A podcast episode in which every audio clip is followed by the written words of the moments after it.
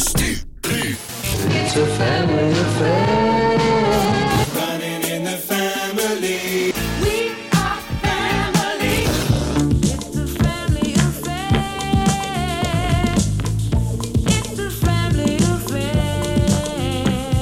Rick de Bruiker. België zit vol muzikale families. De familie Adigéry, de familie Leijers, de familie Blauten, noem maar op. In deze Studio Brussel podcast ga ik thuis langs bij een paar van die muzikale dynastieën. Ik zet me bij hen in de woonkamer om het te hebben over hun grootst gedeelde passie, muziek.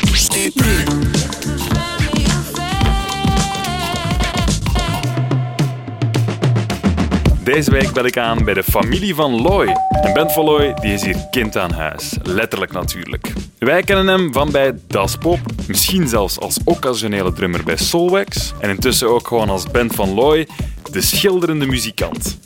Maar vandaag is het gewoon Bent, de oudste zoon van het gezin. En meteen ook de muzikaalste. Maar diegene, de muzikale gene, die heeft Bent van zijn pa. Hallo, goedemiddag. Want de ene die kennen we als popster, de andere wel als opera- en musicalster. Sorry, internationale opera- en musicalster. Ernst van Looy is al jaren een begrip in de Antwerpse opera, later ook in de musical. Zo trok hij België en Nederland rond met de familie von Trapp in The Sound of Music. Hij zat jarenlang in Duitsland voor Das Phantom der Oper. En hij trok ook naar Azië voor de internationale versie van The Phantom of the Opera. Ik mocht aanschuiven aan de keukentafel van de familie Van Looy voor een gesprek tussen pot en pan over muziek, over opgroeien, weg van iedereen in een boshuisje in Hoven, over een vader die niet vaak thuis was, over hoe popmuziek jarenlang verboden was in huis en over de aantrekking van de fanfare voor een jonge band. Dit is Family Affair met de familie Van Looy.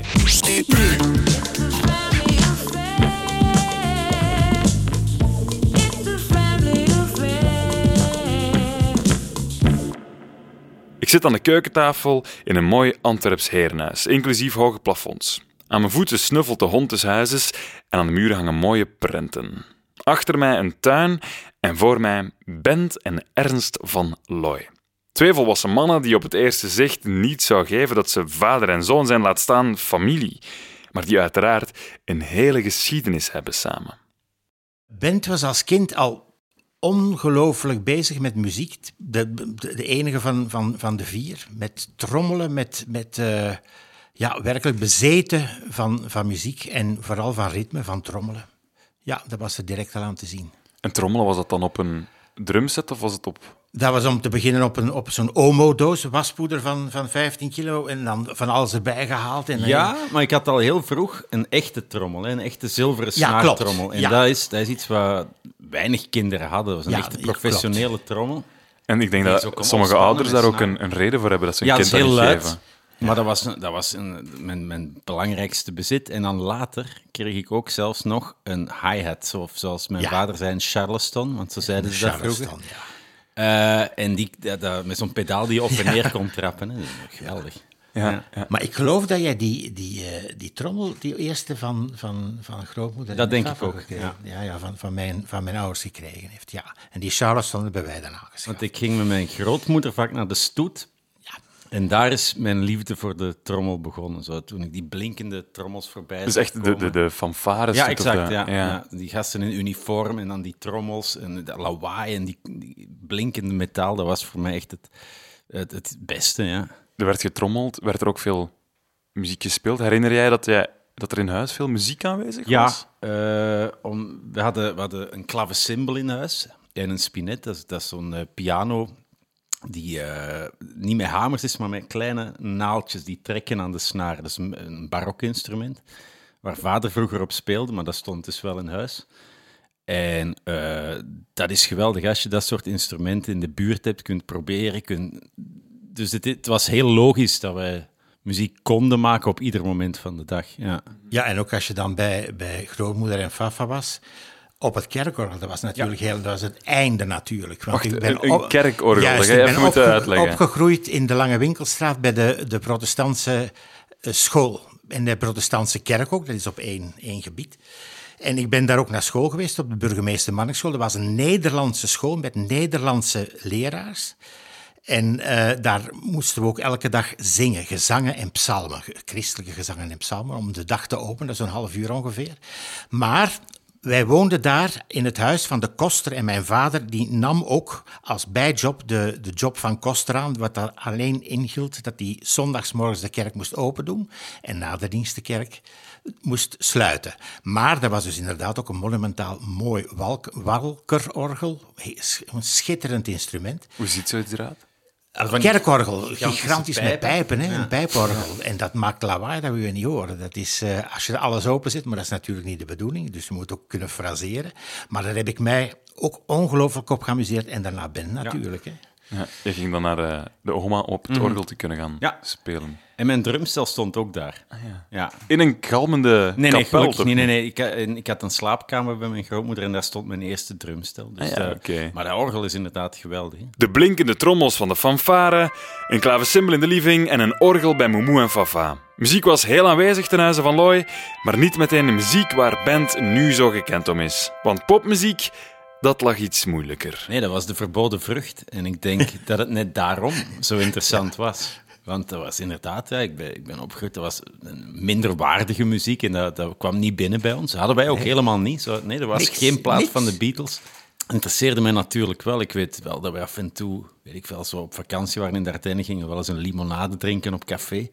En dat was in de jaren tachtig, dus dan hoor, ik hoorde wel die hits van de jaren tachtig op café, dan met die, met die drumcomputers en zo. En ik vond het allemaal heel opwindend. Eh, maar ik, ik, ik ben echt clandestien eh, bij vrienden dan naar, naar popmuziek beginnen luisteren, naar de, de eh, top 30 van Radio 2. En dan, dan na een jaar of zo heb ik dan toch thuis gevraagd of ik niet zelf een radio mocht of zo. En mocht dat dan? Ja, uiteindelijk dan toch. Maar eh, ik, moest, ik moest wel in de caravan waar mijn ouders toen sliepen, moest ik daar gaan luisteren. Dat ik er niemand meer lastig kon vallen. Wel, wel. En, ja, ja, en, maar dat, dat is natuurlijk een droom. Hè, want als, het, als iets verboden is, wordt het eh, driedubbel zo, zo aantrekkelijk. Hè. Toen Ben klein was, was dat ouderlijke huis nog niet het statige heerhuis waar ik nu in zit. Zijn ouders hadden het besluit genomen om hun kinderen groot te brengen in een bos in Capelle. Dicht bij de natuur, maar vooral ver weg van alles en iedereen. Ja, wij woonden in een bos en er waren twee boshuisjes. En het ik had geluk dat daar in het andere ook jongens van onze leeftijd waren. En, en die hadden wel een televisie, wij niet. En die hadden wel een radio en wij niet. En Maar dus, dat was- dus, dus Het was echt een boshuis. Ja, ja. wij hier nu zitten, wat zou het zijn? T- Drie meter op, op, op, op, op drie meter. Ja, echt. dat was de, dat was de een woonkamer. Ja. En de keuken was dat dan op de helft van. Ja. En voor de rest niks. Één verdieping erboven, alle kinderen sliepen. Omdat er voor ons geen plaats meer was, hadden we een oude caravan in de tuin gezet. Ah, ja. Een schitterende tuin met, Ja. met fruitbomen enzovoort. Maar eh, ja, het was echt klein. Dat Ja, en heel primitief. Dat, was, dat was recht op de aarde gebouwd met tegels, dus geen fundering. Nee. Dus Petroleumkachel. Koud ook Ja. in de winter, Ja, denk Koud, ik. ook- ook Douchen in de dat- schuur in de winter. In de winter zonder verwarming. Heerlijke tijd. Heerlijke tijd. Zalige tijd. Echt waar. Maar voor televisie en radio moest je dus naar die ik, eh, andere vrienden bosbewoners. gaan, exact. Ja. En die waren nog dieper in het bos. Die woonden in een golfplatenhuis. Ja, Een grijs golfplatenhuis met geel geverfde ramen. Ja. En, eh, en die woonden daar ook in wat we nu misschien schrijnende omstandigheden Ja. zouden noemen, maar dat was allemaal, allemaal prima. Dat is heerlijk. En, en daar, daar ging ik dan eh, naar, naar eh, cassettes luisteren. En zo, ja.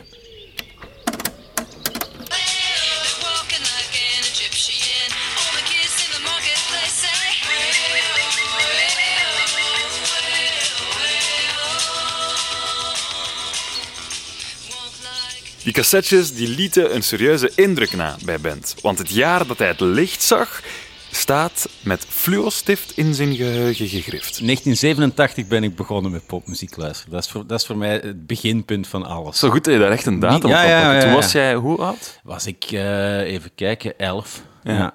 1987 is voor mij het begin van de Je geschiedenis. zegt dat met een bepaalde eh glinsteren in je Ja, ogen. Is ja, dat het begin van het ontdekken van Het niet geheim of zo? Ja, absoluut. Dat is het, on- het ontdekken van een wereld. Hè. Want eh, als je zo jong bent en vooral als je zonder popmuziek bent opgegroeid, is dat iets heel abstracts. Hè. Popmuziek, je hebt, je hebt de melodie, je hebt de productie die heel belangrijk is. En dat hangt allemaal samen. Je hebt misschien zelfs een videoclip die je ziet op een zwart-wit tv. En, en dat is een soort van één brok abstracte eh, pracht voor mij.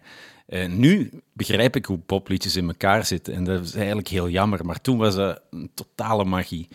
Eh, en, en ja, dan, dan moet je zelf de, de context gaan ontdekken. Want 1987 is nu niet het beste jaar van de popgeschiedenis.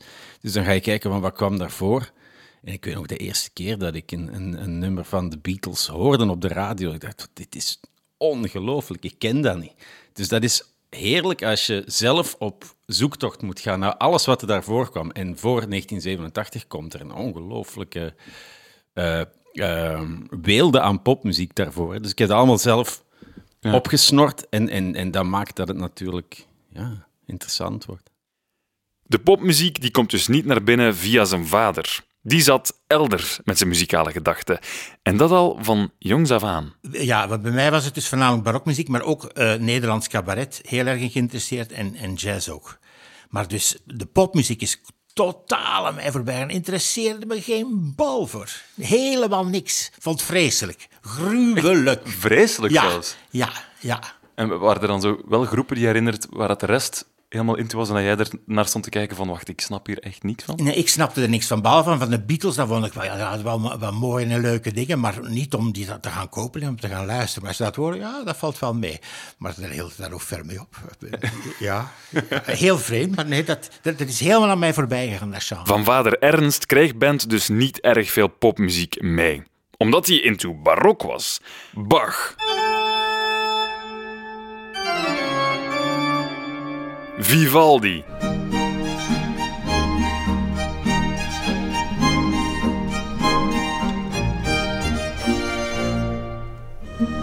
Die kerels.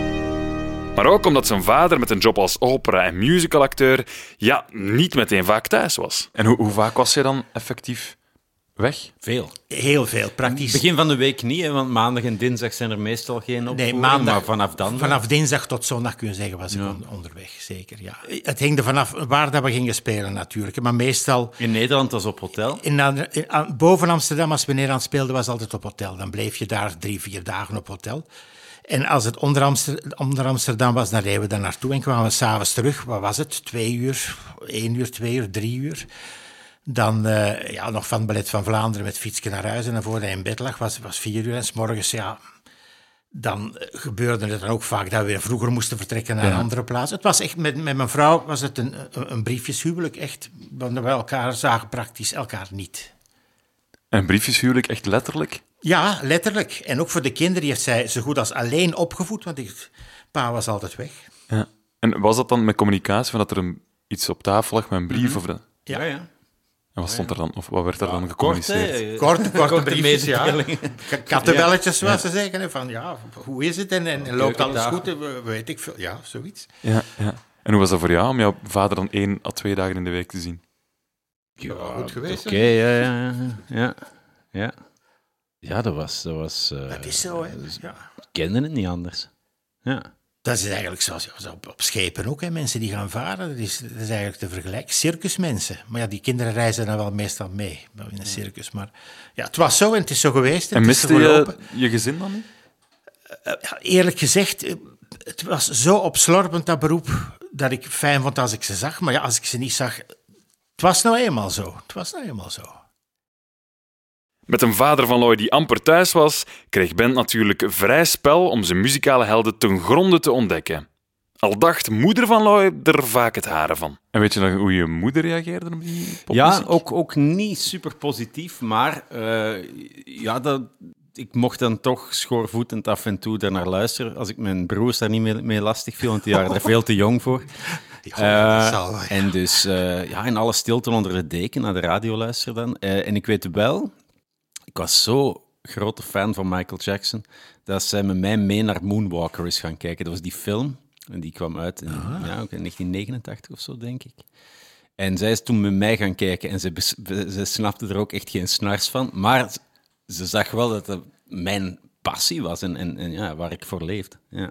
Als je zegt grote fan van Michael Jackson, dat kan ver gaan. Was jij zowel fan van de muziek als van die danspassen en die kleding? Ging Alles. je daar zelf, of hoe ging je daar zelf in mee? Stel je voor dat je dus zonder popmuziek bent opgegroeid, zonder die beeldvorming, en je ziet Michael Jackson. Dat is op zich, zelfs voor mensen die wel met popmuziek zijn opgegroeid, is dan Alien. Maar stel je Ja. voor dat je die voorgeschiedenis niet hebt en je ziet ineens Michael Jackson. Dat, is, dat komt binnen als een, als een atoombom. Ja. En, en het was alles. Het was de muziek, het was de dans, het was de mythe daar rond. Hè, Dat was het hoogtepunt van, van Michael Jackson, die in een soort van zuurstoftank sliep en die een lama had en een chimpansee. En dat, dat is eigenlijk ja, te gek voor woorden. Maar eh, ja, heel, heel, heel interessant voor mij. Ja. Ja. En ik, ik zat echt te wachten, bij wijze van spreken, tot Michael Jackson mij uit het boshuisje zou komen halen. Gelukkig niet gebeurd, weet ik nu. Maar eh, dat, was, dat was toen eh, mijn, mijn grootste droom, ja. Michael Jackson werd zijn grote held. Hoe kan het ook anders? Wat een verschijning. De jonge band was helemaal omvergeblazen door zijn bad, zijn human nature en zijn dirty Diana.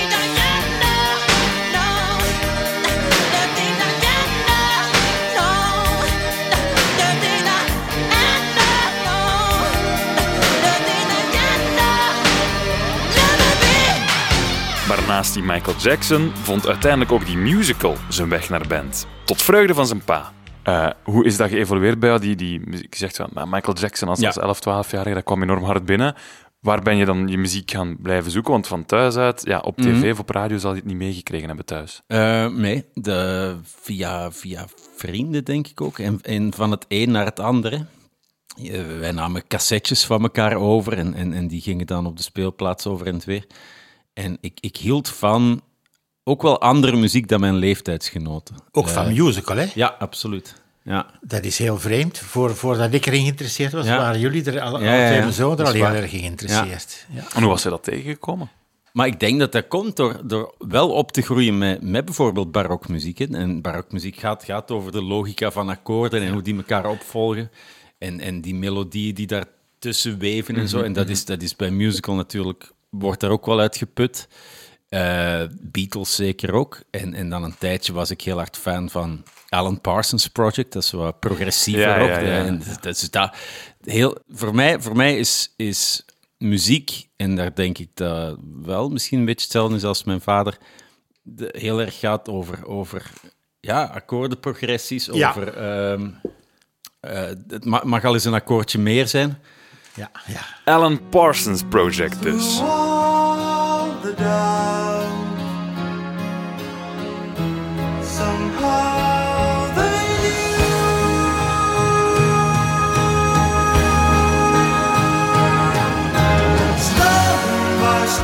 Ja, alles een akkoordje meer, inderdaad. En het liefst ook een akkoordje met wat distortion erop. Want hoe meer band buiten kwam en met vriendjes ging spelen, hoe meer muziek zijn richting uitkwam. Muziek die zijn pa niet meteen zou appreciëren. Maar had hij daar even chance. Ik denk zo rond mijn dertiende is, ben je veel gaan toeren met Ballet van Vlaanderen. Ja, dat denk ik ook, ja. En had jij dan, zorg dat ervoor als je zegt van ja, daarvoor, er kwam geen andere popmuziek of klassieke muziek binnen, kreeg jij doordat jouw vader minder thuis was, zelf meer vrij spel Ja. over de ja, muziek? Ja, zeker. Ja, dan eh, kon ik eh, platen opzetten in de woonkamer bijvoorbeeld. op een normaal volume. En ja, dat was, dat was heel iets losser, dat is waar. Dat kon dan wel, ja. En wat voor dingen trok je toen binnen? Eh, ik weet nog heel goed dat ik thuis kwam van een logeerfeest met vrienden. En daar was net iemand die een cassetje had van Nevermind van Nirvana. Dat was die week uitgekomen. Ik weet nog goed dat ik de volgende ochtend... Ik had heel de nacht natuurlijk niet geslapen, naar huis kwam en tegen mijn moeder zei van... Moet eens luisteren, dit is de toekomst van de rock and roll. En eh, dat was ook zo. En wat was hij je moeder? Ja, die, het zal allemaal wel, ja. Ja, ik denk dat dat als, als jonge gast zo Nirvana horen. Dat is ongelooflijk, ja, daar hakt het er echt in. Ja, ja. Die liefde voor gitaren, die zorgde er meteen voor dat band ook in een echte band wou gaan drummen. Ah, je, le- je leert mensen op school kennen wiens neef een groepje heeft. En dat was dan een groepje van zo hele rijke visa-papas uit Wilrijk, die allemaal eh, echte gitaren en gitaarversterkers hadden. En die hadden geen drummer, dus ik ging dan naar die villa eh, drummen. En, en dat, ja, je probeert van alles uit. Je spreekt over zo die villa waar ik dan ging repeteren. Ja. Zegt dat mij iets van, dat was wel een totaal andere wereld? Of Oh ja. hoe, hoe heeft dat indruk op jou gelaten? Ja, dat was een heel andere wereld. Eh, dat was een wereld die ik niet kende. Echt van die, die hele rijke families die ook allemaal Frans spraken. Eh, maar de taal van de muziek is universeel. Dus we konden wel gewoon in de garage, weet ik veel, de gitaren luid zetten en ik kon drummen. En, en, en dat was geen goede groep of zo. En wie zat daar ook in? Oh ja. Boenie Lensky van de anarchistische avondunterhaltung zat, zat er die ook daar in. ook ja, die zat er ook in. Die zat ook op die school, ja, ja. En die speelde dan viool. Oké. En wij deden zo covers van Rolling Stones en, en, en ja. Ja. En weet je nog die eerste keer dat je met gitaren opengesmeten Ja. eh, muziek maakt? Ja, Eh, ja dat, was, te- dat was heerlijk. Hè? Want je hebt dat volume, dat is natuurlijk een heel belangrijk deel van, van, van rock and roll. Je hebt samenspelen.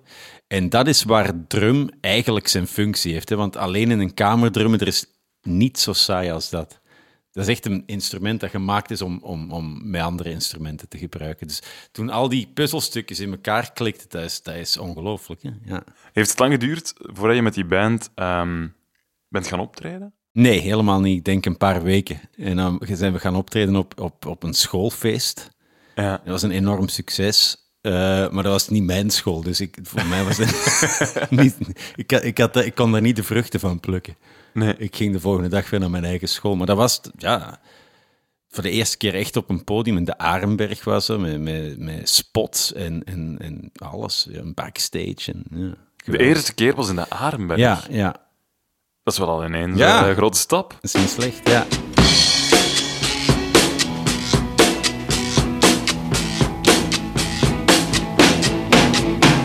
Die eerste keer op een podium, die liet meteen een immense indruk na op band. Maar dat heeft misschien ook wel te maken met wat er achter dat podium allemaal gebeurde. Want via zijn vader zag je al als kind hoe wild het leven achter de schermen er soms aan toe kan gaan. Jawel, zelfs in de opera.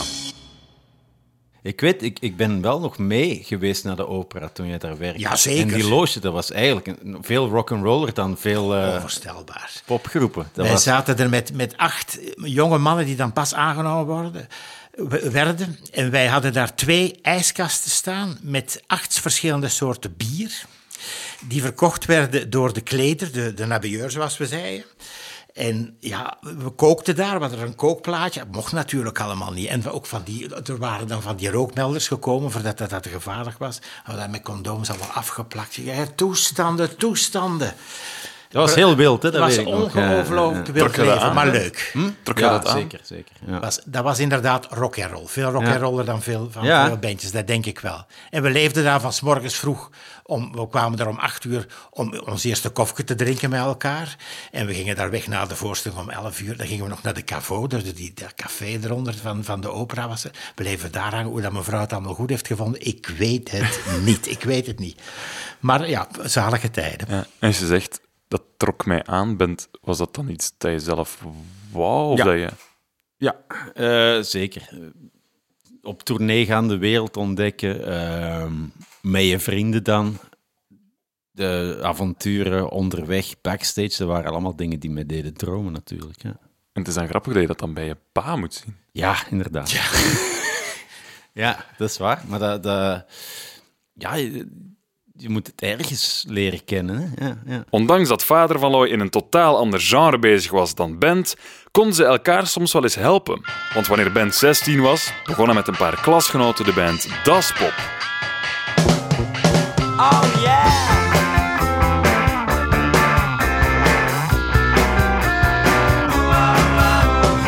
Nu neem je zomaar wat op met de PC of met je gsm. Studio's zijn er in overvloed. Maar in die tijd kwam de hulp van vader opera wel van pas. Dankzij de geluidsman van het ballet van Ah, ja. Vlaanderen, Ja. waar jij mee werkt, hebben we wel onze eerste demo's opgenomen. Dat Dus, is eh, waar. Dat is wel waar. Ja. Dus die, dat was de geluidsmixer van de musicals. Walter Rote, ja. Wij wouden een demo opnemen met onze songs. Je had een hele kleine studio, weer niet ver vandaan. En vader had geregeld dat we daar een weekend naartoe konden. En, en daar hebben we onze eerste studio-opnames gedaan. Ja. Oeh, dat lijkt me wel spannend als, Ja. eh, als je met muziek bezig bent. ja, dat was heerlijk. Voor het eerst, hè, dat je echt, echt iets, iets hebt. Dat klinkt als een plaat. Ja, ja, ja. Had je toen zoiets van, ja, dit klopt? Of... ja. Ja. Ja, en hij, hij zei ook echt, echt iets in juli. hè, Ja, ja, want, eh, ja, ja, hij heeft dat niet ja, ja. zomaar gedaan, maar omdat hij, het, omdat hij het goed vond en weet ik veel. Hij heeft zelf ook veel gecomponeerd voor Hollywood, voor films en zo, die, eh, die Walter Rote. Ja. Die demo's die waren belangrijk. Want zonder die demo kon je je niet inschrijven voor de rockrally. We moesten dat echt winnen. Zo zijn we er ook aan begonnen, want we hadden goede songs. Dus voor ons, om, te, om voor te blijven bestaan als groep, moesten wij die prijs winnen om naar de muziekwinkel te kunnen gaan, een nieuwe cymbaalstatieven te kopen. en we hebben echt alles op alles gezet en ik ben heel blij dat dat, dat toen gelukt is. En hoe was dat voor jou? Zalig, heerlijk. Ja, leuk. En ook, ja, ook zenuwachtig natuurlijk, want zijn drumstel viel er uit elkaar terwijl hij bezig was op de finale. Ja, dan dacht dat, ja, dat, dat, dat- zenuwachtig, hè. Maar hè, het is uiteindelijk allemaal goed gekomen. Hè. Nee, dat vond ik schitterend. En dat de mensen het allemaal mooi vonden. En, en ja, het was ook melodieus. Het was, was, ja, ja, dat, dat, dat viel best mee toen. ja. Viel best mee. Kreeg je, kreeg je muzikale feedback van je pa? Ehm, nee, ik denk het niet. Wel, wel tips van, van je zou met een operazangeres moeten werken of zo. Dat altijd van, ja, ja, daar heb ja, ja, altijd ja. spijt van dat je dat niet gedaan hebt. Zoals in de tijd, hoe heet die goede man die, eh, die hele grote... Montserrat Caballé en Freddie Mercury. Caballé Ja, samen, dat zou ja, niet helemaal gebeuren. Ja. Nee. maar er was bij ons een, een, een, eh, een, soliste, Jacqueline Van Kaay. Ge- Gelukkig leeft het mensen nog. Die heeft ook in Kuifje Bianca Castafiore ge- gespeeld, onder andere. En dat zou ideaal geweest zijn voor inderdaad zoiets als Montserrat Caballé. Maar ja, dat, was, dat is er niet van gekomen. Ja, met Daspop zijn jullie dan met de rockrally begonnen. Ehm, het is wel grappig natuurlijk, want ik denk dat de muziek van Daspop, die is melodieus, die is ook zeker speels. Er zit veel speelsheid in die muziek. Is dat een deel van die musical die je hebt meegekregen? Zeker, ja. Ja, ja er zit veel musical in, in, in Das Pop. En, en, ja, en evenveel barok. En, en, en dat, is, dat is zeker zo. Ja, In jouw sololiedjes ja ook, hè? zeker. Ja, zeker. Was je daar op, in het begin al van bewust? Ik denk dat je daar niet aan kan doen. Je, je, ik denk als muzikant of als maker ben je een soort spons en je slorpt op wat, je, wat, wat er in je omgeving is. Je kunt er ook niet voor kiezen. Hè? En, en dat wring je dan uit en dan komt er een soort van mix van al die invloeden komt eruit. En bij mij was het natuurlijk veel, veel van dat soort dingen. Hoor jij dat ook? Eh, ja, ja, ja, ja, het melodieuze daarin. Ja, ja, zeker en vast. Nou en of. Ja. ja. Wat ik al bij de popmuziek altijd zo raar vond, en nog steeds, dat is dat dat refrein zo eindeloos herhaald wordt. En blijft herhalen. En nog een keer, en nog een keer. Want ja, dat is, dat is in, in het klassiek en bij de muziek is dat veel minder. Altijd heel vreemd gevonden. Ja. Maar je bent er ondertussen aan gewend. Maar ja, natuurlijk. Bent, heb jij ooit ambities gehad om iets te doen in musical? Dat was wel, in het begin denk ik wel, van een, een soort van mogelijkheid, mogelijkheid. Toen ik zag dat mijn vader dat deed, dacht ik van oké, dat is wel een pad dat je zou kunnen bewandelen. En, en ik, ik heb het nooit onderzocht, of, of ik heb nooit auditie gedaan, maar dat was wel iets in mijn achterhoofd van, ah, ja, dat kan ik ook nog proberen. Wanneer band en zijn maten van Daspop succes krijgen, beginnen ze meer en meer te toeren. Het begint een beetje te lijken misschien zelfs op het leven van zijn pa. Goh, in, in zoverre dat we allebei met muziek bezig waren en, Ja. en s'avonds vaak onderweg waren, ja, maar in een heel andere wereld. Ja. Ja. En jullie wisten van elkaar, want jij kende de wereld van, de, Mhm. van de opera en de musical ondertussen, van de als kind erin te lopen. Ja. Wat, welke indruk had jij van de wereld waar band in zat? Hoe, hoe keek je daarnaar? Dat waren, dat, Ook wel raar, want ik, ik, weet nog, ik Ja? weet nog dat je me vragen erover stelde en ik zei van ja, maar zo gaat dat niet in de popmuziek. Of, of snap je van, je kunt niet zomaar naar een platenfirma bellen, je moet eerst daar en zo. Ja, de ja, hele, ja, hele machine achter popmuziek. nee, dat heb ik nooit Nee, goed dus begrepen. dat, dat moest ik dan altijd uitleggen, van, maar dat gaat zo niet. Maar ik ben wel backstage Ja, ja, ja. Op, op Werchter geweest en zo van die dingen. En, en ja, dat was leuk, hè. En ja, zijn, zijn vrienden waren allemaal leuke jongens. Leuk om met, te, om met te spreken achteraf. Dus ja, zeker. Ja, ja. En ze zegt die vragen dat hij dan stelde, wat, wat, voor dingen passeerden er? Goh, ja, van, zou, ja, echt, als je dat niet weet, wat vraag je dan? Ja, zou je eens niet bellen dat je, op de, dat je aan het Songfestival kunt meedoen, bij wijze van spreken? Be- Ja, bij wijze van spreken. wel. Ja, ik zei, ja, maar zo gaat dat niet. ja. Ja, want eh, als je zegt van, ik, ik dacht, ah, met mijn operazangeres samenwerken, Ja. had je dan zo, zo ideeën voor band van, ah, doe dat, of was je daarmee bezig? Eh, ik was daarmee bezig in zoverre van, ik dacht, ja, probeer eens iets te schrijven in de stijl van, oh, heet de goede man.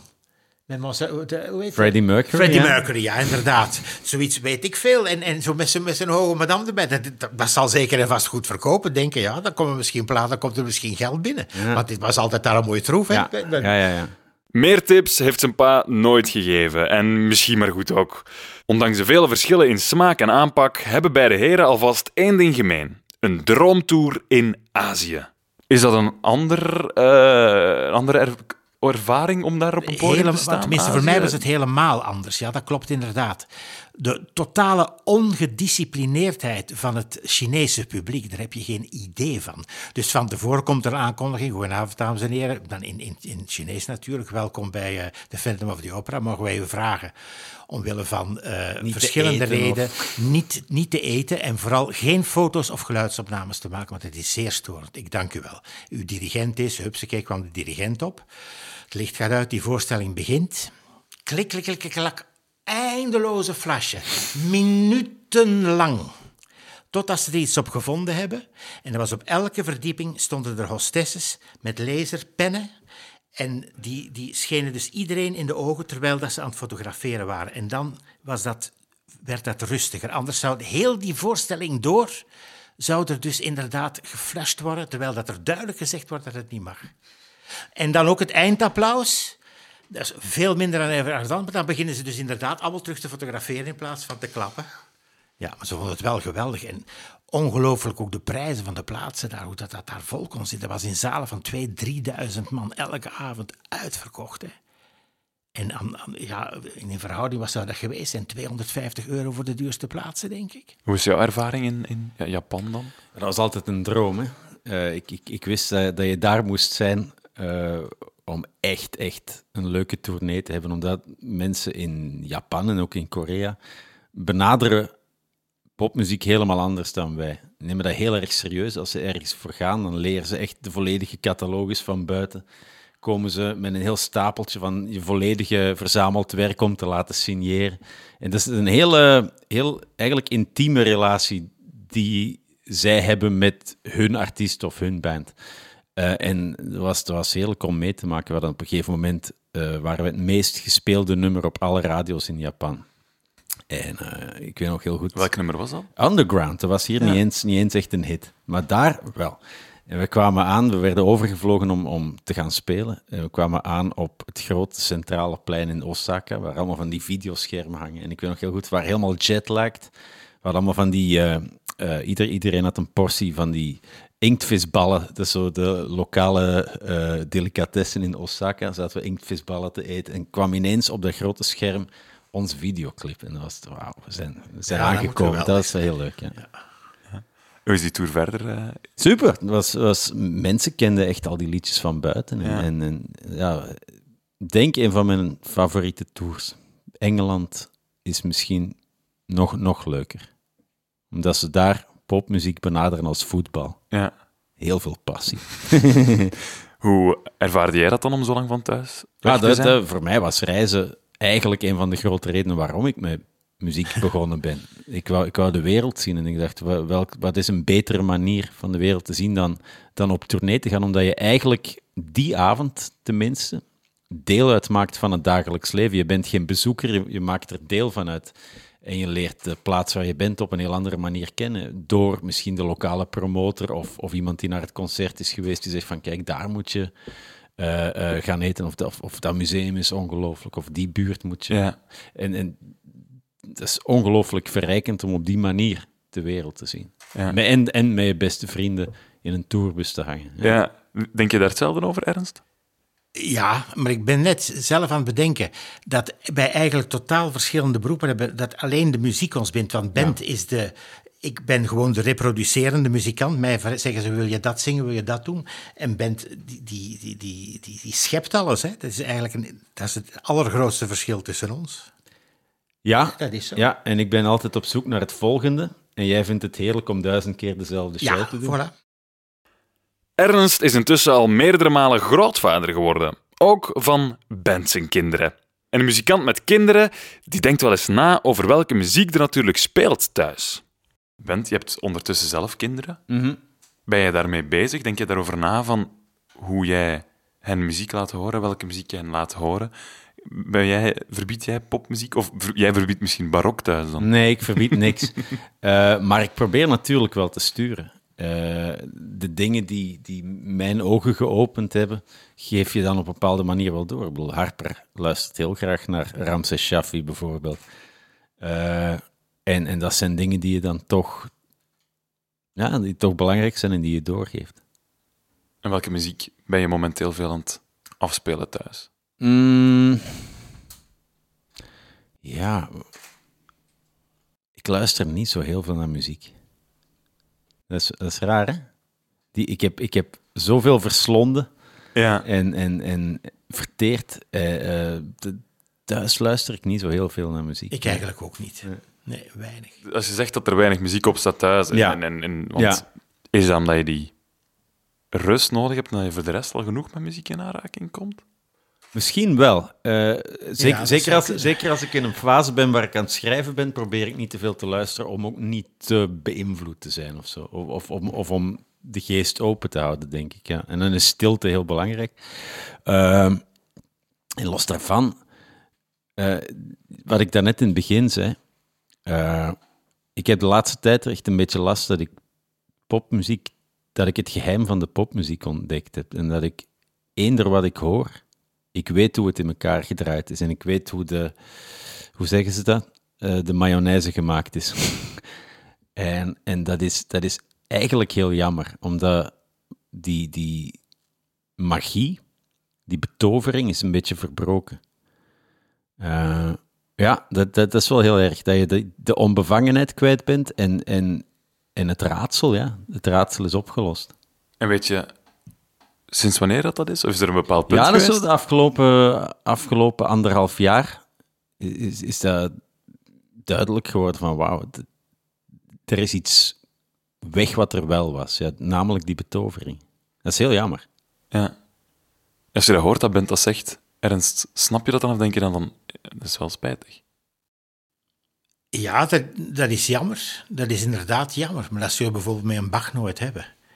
Dat is onmogelijk dat je daar het, het raadsel van gaat ontsluieren. Als je dat bent, dan uh, dat je niet moet nog geboren worden. Dat blijft altijd even mooi. Ja, werkelijk, dat is echt waar. Je bent nog steeds geen fan van popmuziek, hè? Uh, niet direct. Behalve Queen bijvoorbeeld, Freddie Mercury, dat, dat, dat vind ik, daar ben ik wel een grote fan van. Geworden. Geworden ondertussen. Ja, ja, ja, ja. Maar dat is ook heel musical. Dat is ontzettend ah, musical, ja. Dit was Family Affair met de familie van Looy. Elke aflevering stap ik binnen bij een muzikale familie en de volgende keer doe ik dat ook bij de familie Leijers. Als je trouwens eens wilt binnenkijken bij al die muzikanten, dan moet je eens passeren op stubru.be of op de Instagram van Studio Brussel, want daar vind je een reeks prachtige portretten gemaakt door fotografe Rebecca de Kavel. De moeite. Ik ben Rick de Bruiker. Zorg daar nog goed voor jezelf en voor je familie natuurlijk. Tot de volgende.